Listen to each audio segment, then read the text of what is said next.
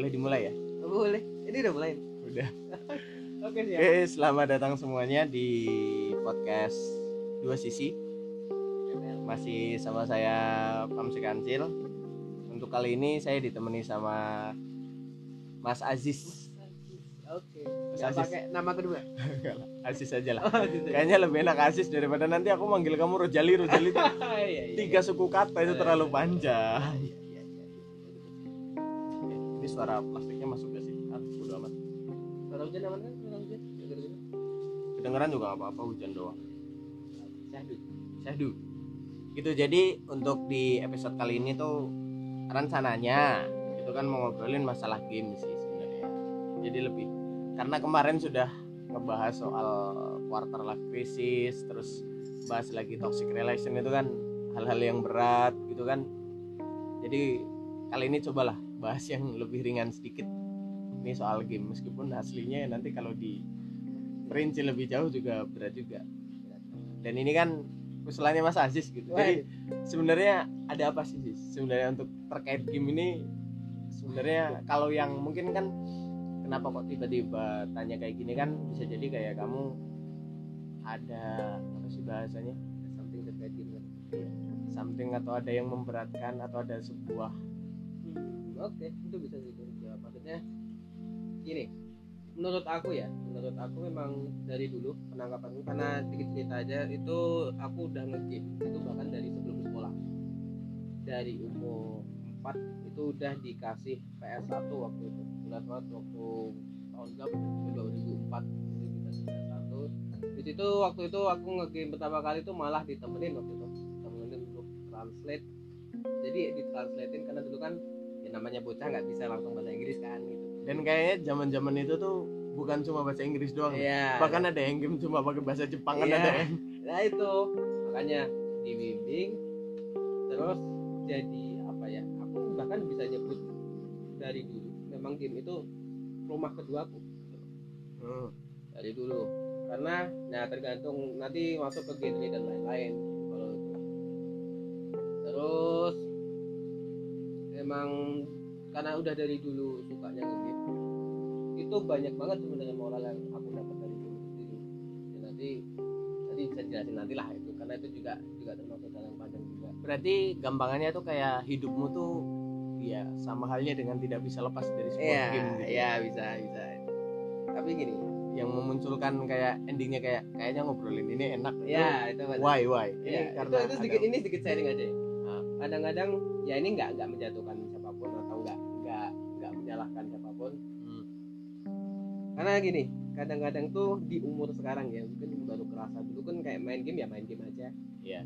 Tapi sekarang di umur sekarang tuh kayak kok capek ya apa tuh hidup kok gini-gini aja kerja ya cuman kerja kuliah ya cuman kuliah kok kayak ada sesuatu yang kurang yang di mana aku harus menuntaskan kemauanku tapi nggak bisa di dunia nyata ah Nah. berarti dengan kata lain game itu bukan lagi tempat kita untuk bermain iya tapi lebih kayak pelarian hidup iya iya iya lebih lebih kayak gitu makanya aku tadi bisa bilang game itu kayak ibaratkan kayak rumah kedua aku di situ?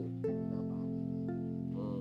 nah memang eh, kalau kita ngomongin soal industri, industri game sendiri itu kan sekarang kan udah ya bisa dibilang modern ya banyak e-sport banyak dan lain-lain Sangat. Banyak orang banyak bahkan di Indonesia sendiri udah ada game developer dan lain-lain itu juga udah termaksud perkembangan industri gamenya juga udah. Ya bisa bisa dibilang negara lain udah mil- mulai melirik Indonesia lah. Jadi gampangannya tuh untuk sekarang kan kalau dulu orang bilang kamu ngapain sih main game? Toh kamu nggak bakal dapet duit dari Iya, game iya, gitu. iya, kamu iya. cuma memperkaya orang yang membuat game. Itu kan dulu. Gitu. itu mindset zaman dulu kan nah kalau yang sekarang kan kita sebagai pemain saja bisa mendapatkan uang. Hmm. kan gampangannya gitu kan ya, bahkan ya benar. Itu itu salah satu salah satu biasanya mungkin beberapa dari kalian mungkin dulu juga dibilang kayak gitu ya wah jelas. Apalagi kalau angkatanku Sis. Ya, kalau angkatanku jelas itu selalu Itu akan jelas. ada kata-kata itu. Ya jadi ya memang ya bisa dibilang itu karena perkembangan zaman ya.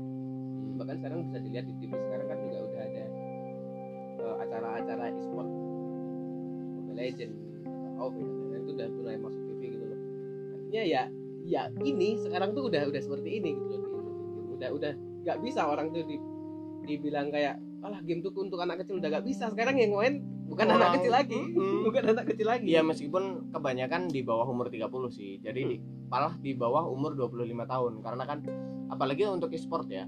Untuk benar-benar purely e-sport untuk nantinya menjadi pemain profesional kan butuh apa sih bahasanya refleks Ya. refleks yang bagus. Itu kayaknya gelasnya taruh di bawah aja.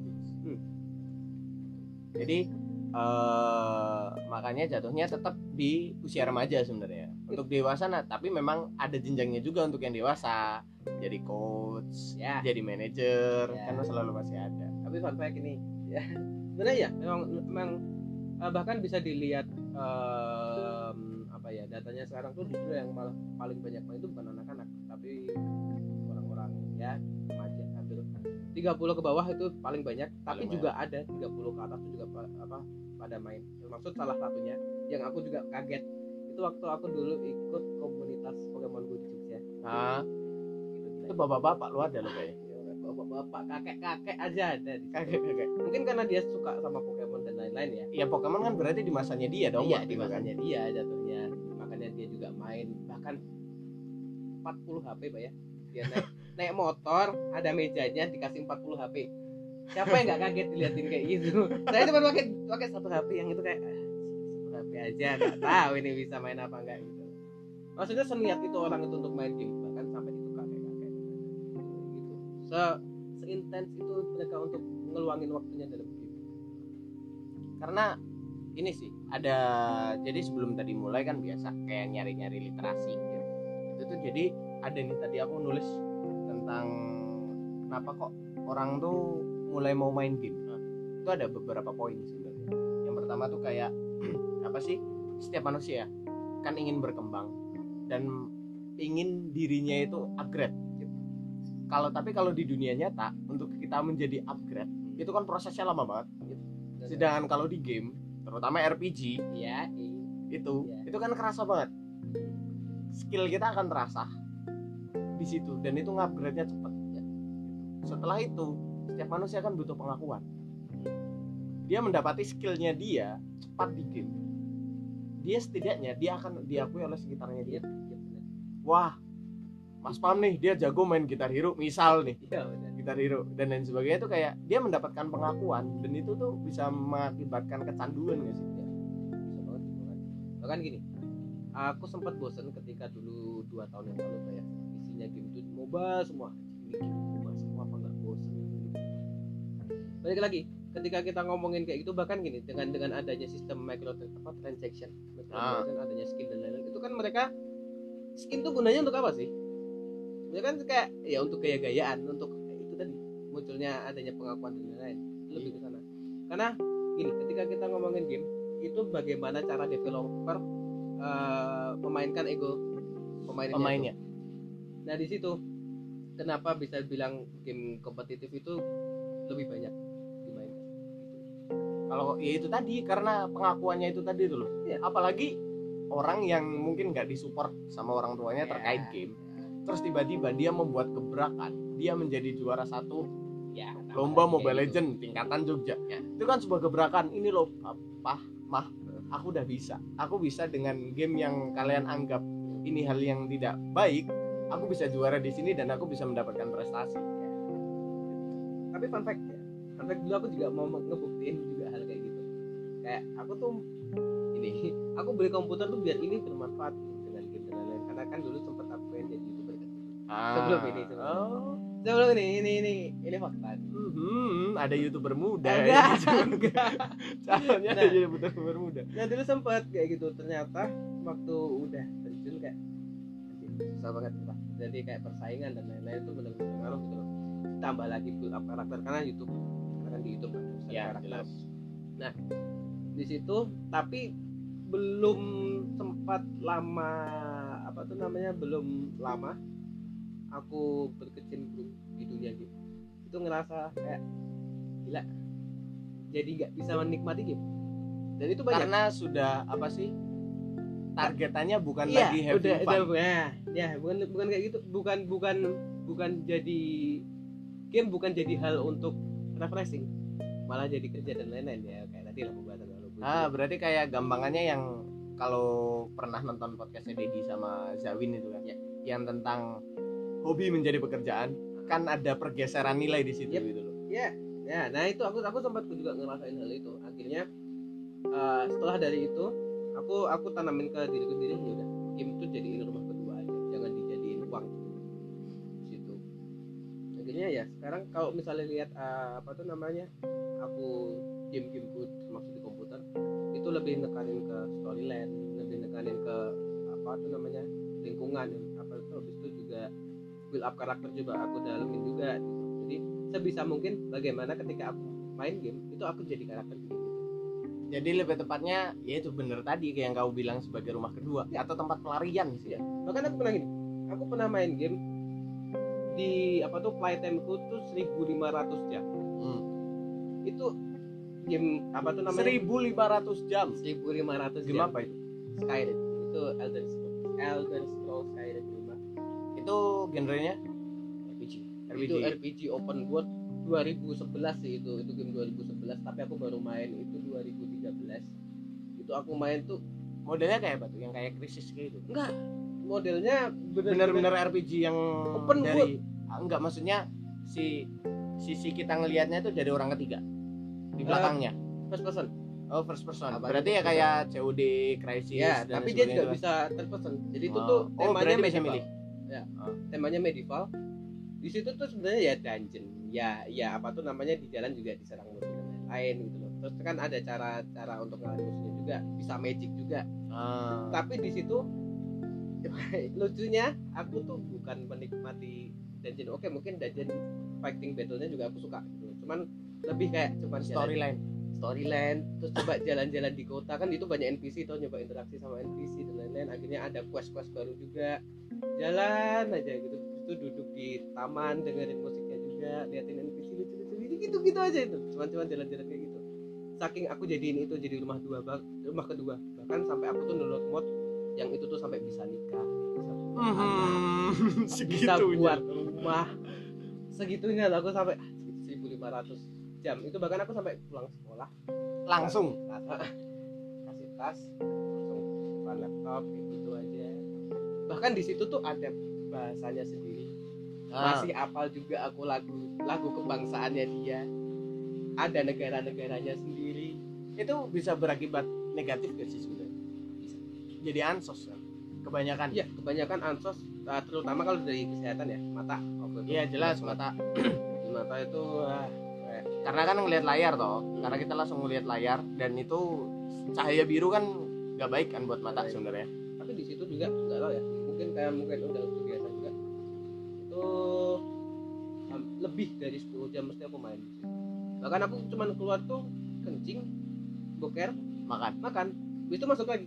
Itu terus ngantuk ngantuk tidur. Ya kayak itu. Ansos sekali hidup anda sumpah. Jam 7 sekolah jam 7 sekolah sampai jam 2 jam 2 pulang. Udah gitu terus gitu. Tapi nggak nggak tahu ya nggak bosan-bosan gitu karena mungkin yang yang yang developer kasih adalah uh, unlimited time.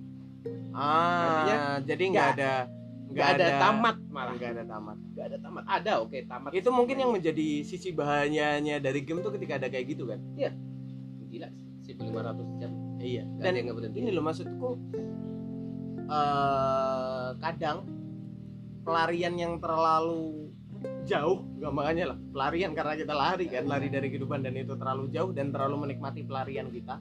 Endingnya balik lagi kayak endingnya kita jadi krisis gitu. Ya. jadi krisis kayak yakin aku mau hidup di game doang nih. Ya gitu kan? kayak gini.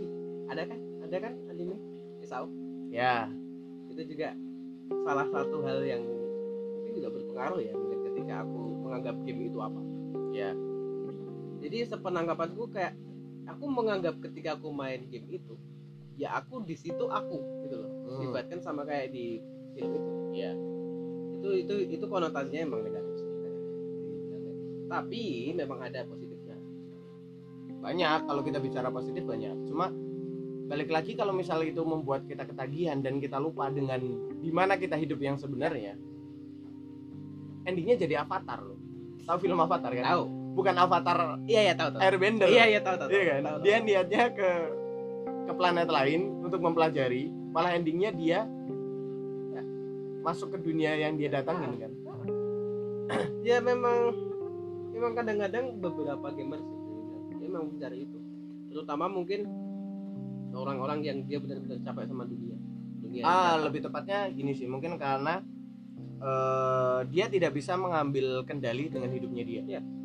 Ketika kita tidak bisa mengendalikan hidupnya kita kita tidak bisa melakukan apa yang kita mau di kehidupan kita yang nyata endingnya kita lari ke game ya gimana apalagi game RPG game Iya. open world yang di mana di situ Iya, ini duniaku, ini karakterku, Iya. bebas aku mau ngapain.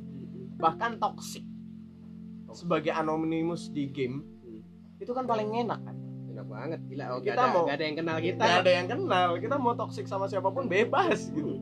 Emang bisa didatangin? Ya bisa, ada tetap kemungkinan kita bisa didatangin juga. Cuma kan ending kalau di game paling ya udah ayo buy one aja. Kan gitu. Yep. Apalagi kalau di MOBA, kalau di MOBA kan biasanya ya udah buy one. Ya, kayak gitu. sekarang kayak gitu. Nah, aku bahkan nyari juga sih aku aku emang suka game gitu gitu terutama itu baru capek pulang kuliah ngapain ya gitu. ya Termasuk kekosongan waktu itu juga menjadi kayak Wah, banget itu gila itu kalau misalnya aku kerjaan semua udah kelar. Eh, apa tuh namanya malas keluar adalah cari cari pelarian lah. Bahkan sampai sekarang tuh aku ngerasa kayak ada beberapa genre kan. Aku mainnya beberapa genre. Ketika aku mau kok rasanya mau bunuh orang ya? Ya udah main game yang bunuh orang daripada bunuh orang asli kan aku ada ada kayak gitu. sisi, sisi positif sih. Sisi mungkin positif. meskipun agak cringe juga Eh. sih. aku mau bunuh orang ya? Aku mau bunuh orang main MOBA aja dah. Aduh, aja. Nah kayak gitu. Aku mati juga hidup lagi. Nah, gitu. Atau mungkin main GTA mau nabrak nabrak orang Oh. silakan gitu. Mau main zombie mau sampai tangannya yang penting jangan sampai turut bawa ke dunia Ya, nyata aja ya daripada daripada nanti coba bayangin kalau misalnya nggak ada kayak gitu. Mau bunuh orang tiba-tiba wah psycho kayaknya jadi Kata- banyak banget ya. Ke tetangga. Punten punten seluruh dar dar dar. Gak bayangin aku gak bayangin. Ya itu mungkin ya aku jadi lebih kayak sekarang tuh game tuh sebagai kebutuhan. Gitu. Kebutuhan kayak jatuhnya ya buat pelarian itu tadi. Kayak Pelarian. suatu hal yang kita tidak kita dapati di dunia nyata. Kepuasan. Kita nyari kepuasan di game. Yep.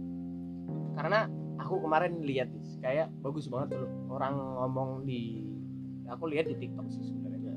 Jadi ada yang bilang kamu ngapain sih di game? Hmm. game itu bisa memberikanmu apa sih? Oke. jawaban dia bagus banget. Game dia tidak akan pernah mengecewakan. Benar banget. Dia tidak akan menusukku dari belakang. Dan dia tidak akan pernah apa sih satu hal lagi tuh. Tadi kecewa udah kan? Kecewa menusuk dari belakang dan dia tidak akan pernah meninggalkan tapi ada itu yang menusuk dari belakang ada kan game mungkin iya menusuk dari belakang enggak gamenya gamenya sendiri loh Iya. Itu game bukan online, bayangin, menusuk dari belakang. Karena ini mungkin beberapa dari kalian mungkin tahu ya, harusnya ya. Ya. Itu game tahun 2015 atau 2010, Red Dead Redemption. Itu kita jadi tokoh utama yang endingnya kita mati. Menusuk dari belakang tuh, gila. itu termasuk menusuk dari belakang ya Kan story gini, itu yang paling bangsa tuh apa tuh nama hampir mau ending. Aku mikir kayak happy ending. Ah. Tiba-tiba orang keluar dari rumah. Sudah, sudah, sudah. What? What? Berapa puluh jam aku mainin game ini? Endingnya- endingnya kayak gitu. Makasih loh. ya enggak maksudnya eh, oke lah itu mungkin kayak menusuk kita dari belakang dengan menghancurkan Karakter. eh, menghancurkan karakter kita kan tapi satu sisi nggak mungkin efeknya itu tidak akan separah kalau misal kita sama teman Ya. sendiri terus dia tiba-tiba menusuk kita dari belakang atau bukan maksudnya menusuk dalam artian yang sebenarnya ya Ya. maksudnya kayak dia mengkhianati kita kan beda gitu loh Beda. efeknya akan beda jauh gitu oke game ketika game kayak gini oh ternyata dia seperti ini endingnya saya tidak suka ya udah kita tinggalin gamenya Hmm. gitu Hmm. game tidak akan melakukan apa-apa gitu Iya. tidak akan dia tidak akan upload di sosmed Iya. temanku meninggalkanku Wow. kan nggak pemainku Wow. meninggalkanku kan nggak Iya. mungkin game melakukan hal yang gitu ya nggak akan ada efek berkelanjutan gitu setidaknya. Emang. ini dan satu lagi sih tadi yang aku dapat itu kayak setiap manusia itu butuh apa sih namanya komunitas Yep. itu teo- teorinya Maslow Hmm. di psikologi Hmm. kayak ada lima kebutuhan pokok manusia nah salah satunya adalah kalau apa diakui di sebuah golongan Hmm. atau masuk ke sebuah golongan atau komunitas Oke. makanya eh, ketika dia mungkin orang makanya sering "Is, mau ngomong apa sih aku Hmm. kayak kita lagi di sekolah nih anak sekolah kita mau kita tidak bisa olahraga kita tidak mungkin dong bisa masuk ke dunianya yang olahraga Hmm. karena aku nggak bisa olahraga Hmm. kita nggak bisa diakui di dalam Oh, satu komunitas paham itu kita juga tidak bisa masuk ke orang-orang keren misal yang dia mainnya ke mall Hmm. nonton film dan lain sebagainya nggak bisa endingnya apa yang dia bisa adalah game Hmm. karena kebutuhan untuk me- eh, masuk ke dalam komunitas Itu tadi dan kebanyakan juga isinya kan maaf mungkin yang ini nggak sama cuma yang selama ini seringnya didapati kan yang apa sih bahasanya orang-orang kutu buku atau orang-orang culun kan biasanya larinya di game karena komunitas game itu bisa dibilang komunitas yang paling luas Hmm. atau syarat masuknya itu tidak terlalu berat Hmm. Nah, kalau masuk ke komunitas orang keren kan berat tuh. Sangat. Misal harus kaya, harus tampan, Iya, harus iya. cantik dan lain sebagainya. Yoi. Komunitas pemain olahraga harus gimana, harus gimana dan Iya. sebagainya. Kalau game, yang penting kau bisa main game Mm-mm. udah kelar. It's enough story dan siapa sih yang sebenarnya nggak bisa main game? Yoi. Kan hampir semua orang bisa main game. Dan selalu memulai dari newbie akhirnya jadi pro. Yep. Sebulan aja lah. Udah ditekunin seminggu, seminggu dua minggu ditekunin satu game, udah pasti. Nah itu fun fact tuh. Aku dulu sempet kan itu main NBA, itu game basket. Salah satu hal kenapa aku suka basket itu juga salah satu dari situ. Bahkan mungkin sakit saking niatnya aku ya, karena kan di situ juga ada ada my career, my career itu jadi kita ngebuat karakter terus kayak masuk ke tim mana dan lain-lain gitu loh. Ah, Nah. kayak oh iya iya. Di situ coba aku ngeliatin gerakan gini, oh gini toh. Besoknya apa kemudian hari aku langsung pinjam bola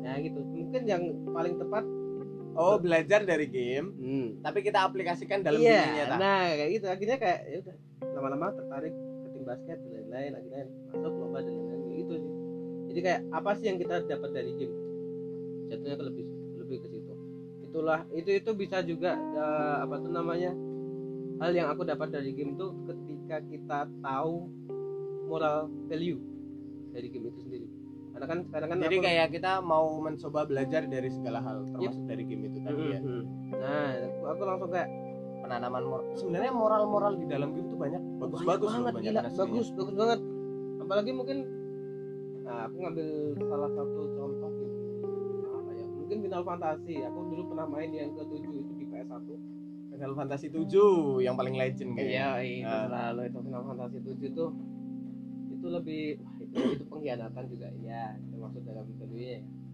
habis itu eh, game Persona Persona 4 Persona 5 itu lebih ke temen dan lain-lain. Bahkan di situ juga bisa pacaran. Bisa. As ya paham ya memang kayak gitu ya. Aduh, Anda pernah pacaran berarti di game ya? Oke.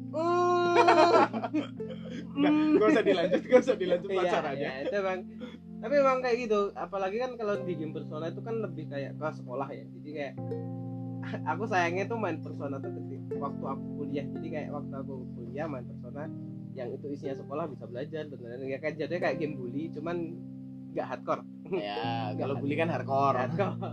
Nah itu lebih ke ya itu lebih ke pertemanan dan lain-lain. Bahkan ada yang namanya social link dan lain-lain. Itu lebih aku belajarnya di situ. Itu. Ya cuma itu aja. Banyak, banyak banget yang bisa dipelajari dari jangan bi apa MOBA aja. MOBA kan dia juga maksud gimana cara kita ngatur strategi ini ah ini, itu fun fact-nya tuh gini sih kayak apa ya orang yang terbiasa main game. Hmm. terutama malah ini genrenya lebih di MOBA. Hmm. di MOBA kan segala hal bisa terjadi dalam hitungan detik kan. Mm-mm.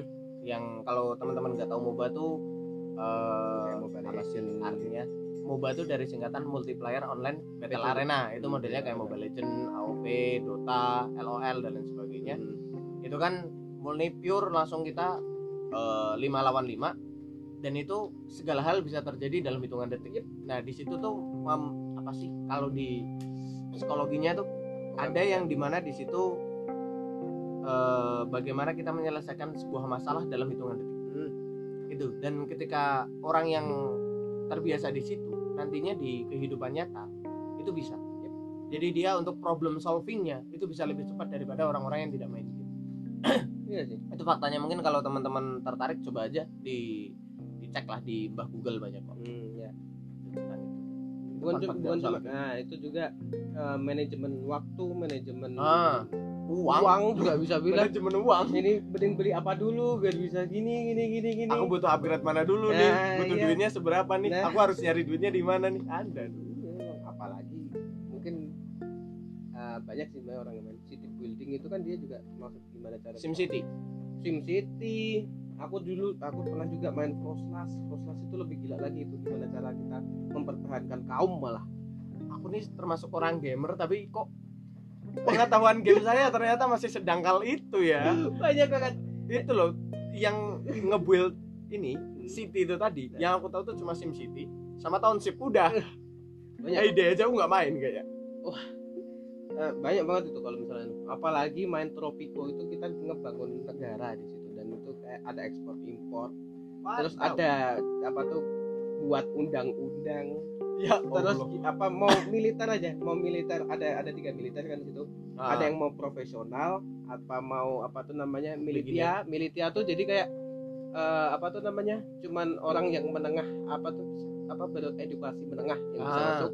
Ada juga yang dari rakyat jelata. Ya, jatuhnya ke Nah, komunis. kalau ah, Komunis. kalau gampangannya iya komunis. Kalau yang Komunis. biasanya komunis atau yang dulu di Indonesia tuh peta. Nah Iya. ya itu lebih ke kayak gitu jadi ya banyak banget. Gila itu itu itu salah satu game favorit itu Tropico. Tropico 5 Tropico 6 itu banyak kali hidup anda. Banyak. tapi ini enggak aku penasaran dengan kamu tuh kayak kamu kan orangnya overthinking. Ya. itu diturunkan dari game. Yap. itu karena dari game? Ya. karena sudah tahu banyak apa ya banyak value. Ya, value. Value yang terjadi di game dulu. Hmm. karena saking banyaknya misal aku melakukan ini nanti kemungkinannya ini ini Ya. ini ini dan lain sebagainya yang itu endingnya bisa terjadi di dunia nyata Ya. yang ketika kamu melakukan sesuatu tuh langsung kayak kemungkinan ini ini ini yang bakal terjadi ini ini ini Iya, yang kan? mengakibatkan overthinking Iya iya tadi. iya iya itu itu semua ya. Apalagi kalau mungkin kalian main Walking Dead, main Detroit Become Human, itu kan itu gimana cara itu kan game story. Kita tuh cuman suruh milih mana kata yang paling benar yang berakibat happy ending atau bad ending. Iya. Itu salah kita milih satu kali aja satu kali aja itu akibatnya di ending nanti itu. Ya mau nggak mau kita harus ngulang lagi dari awal. Terus kita harus mainin lagi, terus diapalin coba lagi. diapalin lagi, terus jangan sampai satu kali salah langkah. Nah itu. Nah, makanya itu kayak overthinking kayak ya kayak kadang-kadang aku kalau misalnya ngomong kayak gini salah nggak ya? Aku kadang-kadang mikirnya dari situ. Aku mulai overthinking ketika aku mainin game kayak gitu sebenarnya. Yang mengaruh di ending gitu. Bahkan sampai ada eh, sebenarnya ini gampang untuk ending. Itu Metal Gear, Metal Gear Solid 5 gampang itu. Orang tuh ke ending tuh gampang tapi baru selesai ada ending yang bener-bener ending itu tiga tahun setelahnya itu ngejinain 30.000 ribu bom ya 30.000 ribu Ini- ini masalahnya nih kamu dari pertama kita mulai nih sampai sekarang kamu menceritakan game nggak ada yang sama loh ini Nggak ada yang banyak banget game. emang banyak emang banyak banget banyak banget main gamenya astaga memang benar-benar pelarian ya iya jangan kan jauh tapi kalau untuk yang sekarang kamu main game? Ya masih main.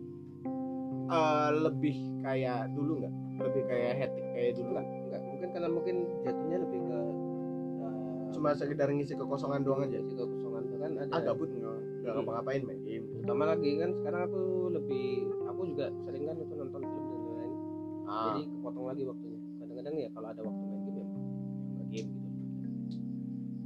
tapi kalau misalnya ada satu game yang aku mau ini dari dulu mau wah itu bisa. Kayak hal apa pun ya aku nyoba mainin dulu.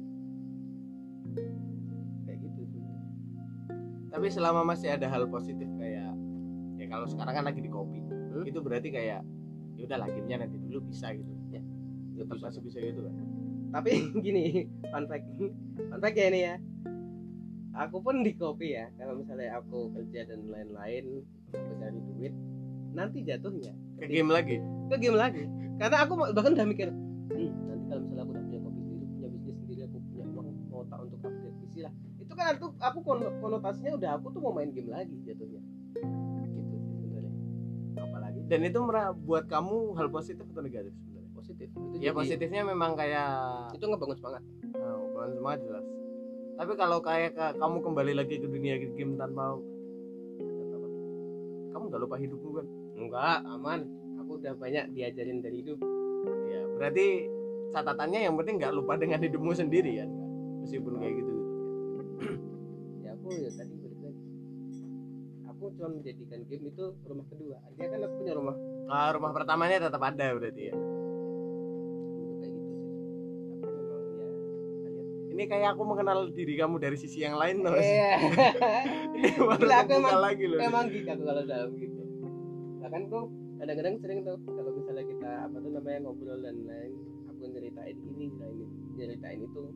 Aku kadang-kadang ngambil moral yang udah aku dapat dari game. Dari game? Apa yang volunteering dan lain-lain itu sama game-game yang kayak gitu yang dia story lebih menekan anti story lebih ke apa ya lebih ke build up karakter itu aku lebih ke eh menarik juga kayak ini loh kayak ada satu kata-kata yang sekarang aku lagi kayak suka banget. Ini dari karakternya OV juga sih sebenarnya. Oke. jadi kata-katanya bagus soalnya. Itu tuh kata-katanya like is fleeting. Darkness is forever. Itu siapa itu yang ngomong? Yang ngomong itu aduh aku lupa kan nama karakternya itu. Pokoknya karakternya dia naik kuda. Hmm. raja raja kegelapan pokoknya itu. Hmm. Nah dia tuh bilang, ya itu tadi kata-katanya. Jadi cahaya itu panah, Hmm. darkness is forever. Atau bisa dibilang gini lah, gampangannya hidup itu panah, Hmm. kematian itu nyata. Nah, itu kan tadi Kan gitu. Kayak misalnya kebahagiaan itu panah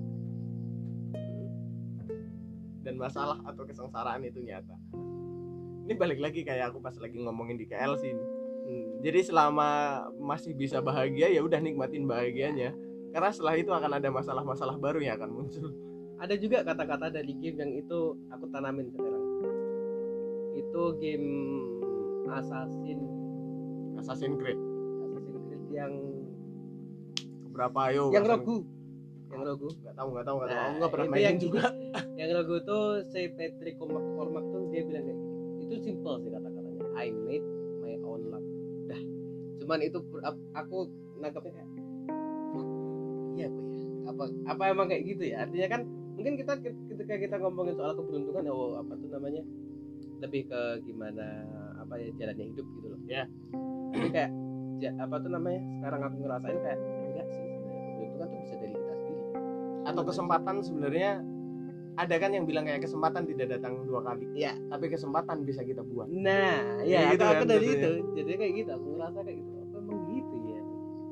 Jadi balik lagi sebenarnya meskipun nantinya game itu mau dipandang negatif ataupun positif itu balik lagi bukan hal yang benar untuk mengatakan itu positif atau negatif karena tergantung bagaimana kita ngelihatnya Perspektif. perspektifnya kita gitu loh. Dan kita nggak bisa memaksa orang untuk suka sama game loh sebenarnya. jelas Karena aku karena banyak juga kok sebenarnya orang-orang yang nggak bisa main game Ya. atau bukan nggak bisa nggak mau ya dia nggak mau. Ah, Nggak ja- mau jauh, game. jangan jauh jauh. Adikku tuh kadang-kadang aku saranin game. Coba game ini daripada kamu main game-game gitu-gitu terus, udah nyoba main. Nggak mau, dia nggak bisa main game kayak gitu.